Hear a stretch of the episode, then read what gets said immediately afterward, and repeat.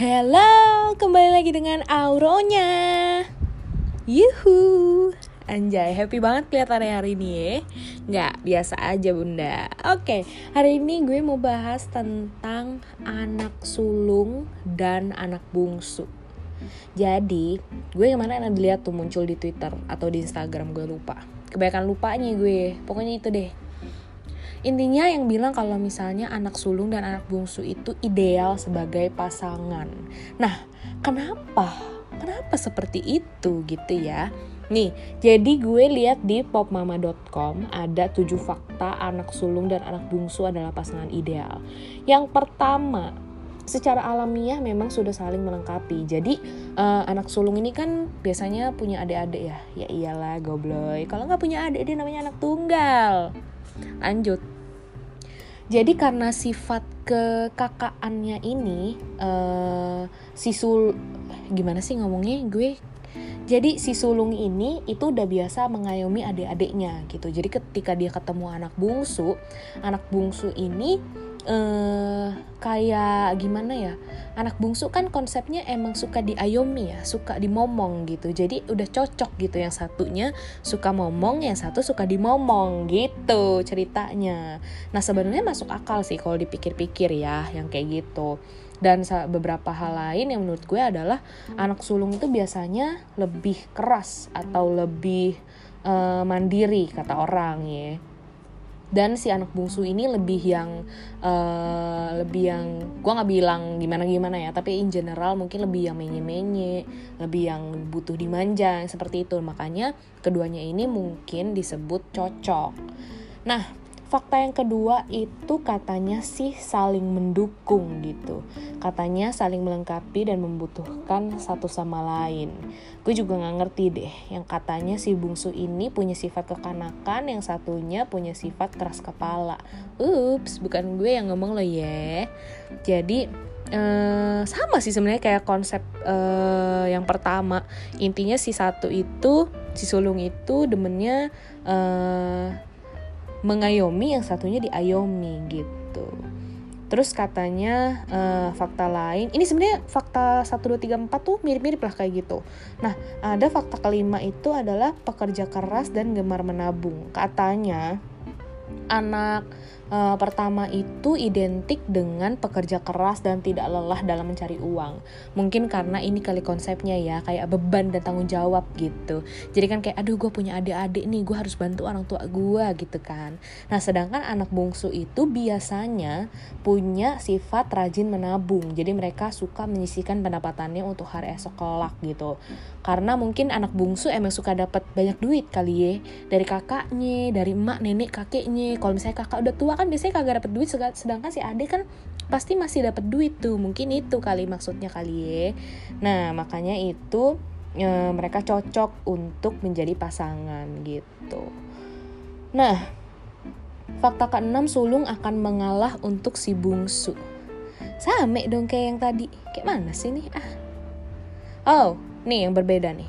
Sulung terbiasa mengatur segala sesuatu, sedangkan si bungsu itu biasanya ngikut. Bener sih, bener. Jadi gue sebagai anak sulung itu emang bener sih. Sukanya ngatur-ngatur sukanya nyuruh-nyuruh gitu. Sedangkan anak bungsu tuh adik gue biasanya uh, ngikut-ngikut aja gitu kan. Bete-bete cuman ya gimana? Memang anak bungsu itu terlahirkan untuk dibully. Seperti itu konsepnya kayaknya ya Nah itu makanya uh, secara logis uh, bisa dibilang seperti itu. Dan kebetulan memang gue nggak nggak tahu kenapa. Jadi gue anak sulung gue cewek ya iyalah masa bencis.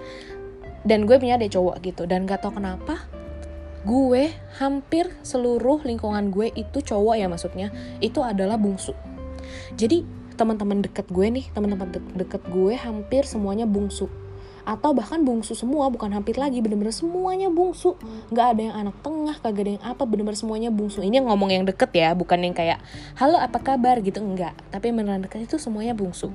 Terus mantan gue mantan gue semuanya bungsu guys. Setelah gue pikir-pikir nih mantan gue semuanya bungsu. Terus uh, yang anehnya lagi nih uh, gue suka idol nih. Jadi gue suka dulu banget gue suka Super Junior Itek terus gue suka Temin gue suka Kai EXO terus gue juga suka uh, yang terakhir itu Min Hyun Newis dan itu semuanya anak bungsu guys. Gue sampai kayak anjrit ada apa nih? Awalnya gue nggak gue nggak nyadar maksudnya kayak uh, gue nggak ngerti lah sulung-sulungan kayak bungsu-bungsuan gitu. Sampai gue lihat uh, postingan itu gitu. Sampai gue lihat postingan bahwa anak sulung dan anak bungsu cocok menjadi pasangan ideal. Terus setelah gue pikir-pikir nih lah ih semuanya bungsu nih. Gue tuh bingung ya percaya atau nggak percaya. Bukannya percaya atau nggak percaya juga sih. Lebih ke wow lebih ke menarik aja sebuah fakta ini gitu kan. Coba deh lu resapin lagi gimana ceritanya. Apakah lu anak sulung atau apakah lu anak bungsu ternyata benar gitu kan. Siapa tahu lu bungsu terus lu ternyata gebetan lu semuanya lu anak sulung semua gitu kan. Nah coba deh lu resepin. Tapi tapi itu kalau ngomong pas uh, ngomong apa ya ngomong orang yang beda gender yang ngomongin cowok. Kalau misalnya gue uh, cewek berarti gue uh, kebetulan cocoknya sama yang bungsu gitu kan. Nah tapi kalau misalnya dengan cewek nih gue teman-teman gue semuanya hampir semua itu sulung kalau nggak tunggal aneh banget kan? Setelah gue sadarin hah? Kocak ya? Kalau cowok mau temen mau de mau deket doang mau gebetan mau mantan hampir semuanya bungsu. Tapi kalau cewek hampir semuanya sulung atau tunggal gue nggak tahu dah tuh gimana biologisnya. Mungkin kalau ada seorang dokter atau seorang psikologis yang mendengar ini tolong saya diberikan pencerahkan. Pencerahkan nggak lo pencerahan maksud gue. Nah seperti itu gitu. Ini seru banget. Dan memang kalau misalnya gue lihat kayak pasangan-pasangan yang ada di sekitar gue gitu ya benar cuy. Temen gue tunggal pacarnya uh, sulung. Terus ada lagi uh, temen gue cewek sulung pacarnya bungsu. Nyokap gue juga gitu nyokap bokap gue nyokap gue bungsu cewek bokap gue cowok sulung gitu. Aduh apakah ini benar? Ayo para bungsu dekati aku. Aku tidak sabar untuk bersama denganmu. Oh my god. Itu sih yang mau gue bahas. Cuma mau sesimpel itu aja biar kita ada bahasan gitu ya. Kalau misalnya kalian uh, ada sesuatu lagi yang bisa disarankan untuk dibahas. Gak usah yang serius-serius Yang seru-seru aja yang kayak gini. Boleh langsung aja DM A U nya A nya dua di belakang. Oke? Okay? Oke okay, segitu aja podcast hari ini. Bye bye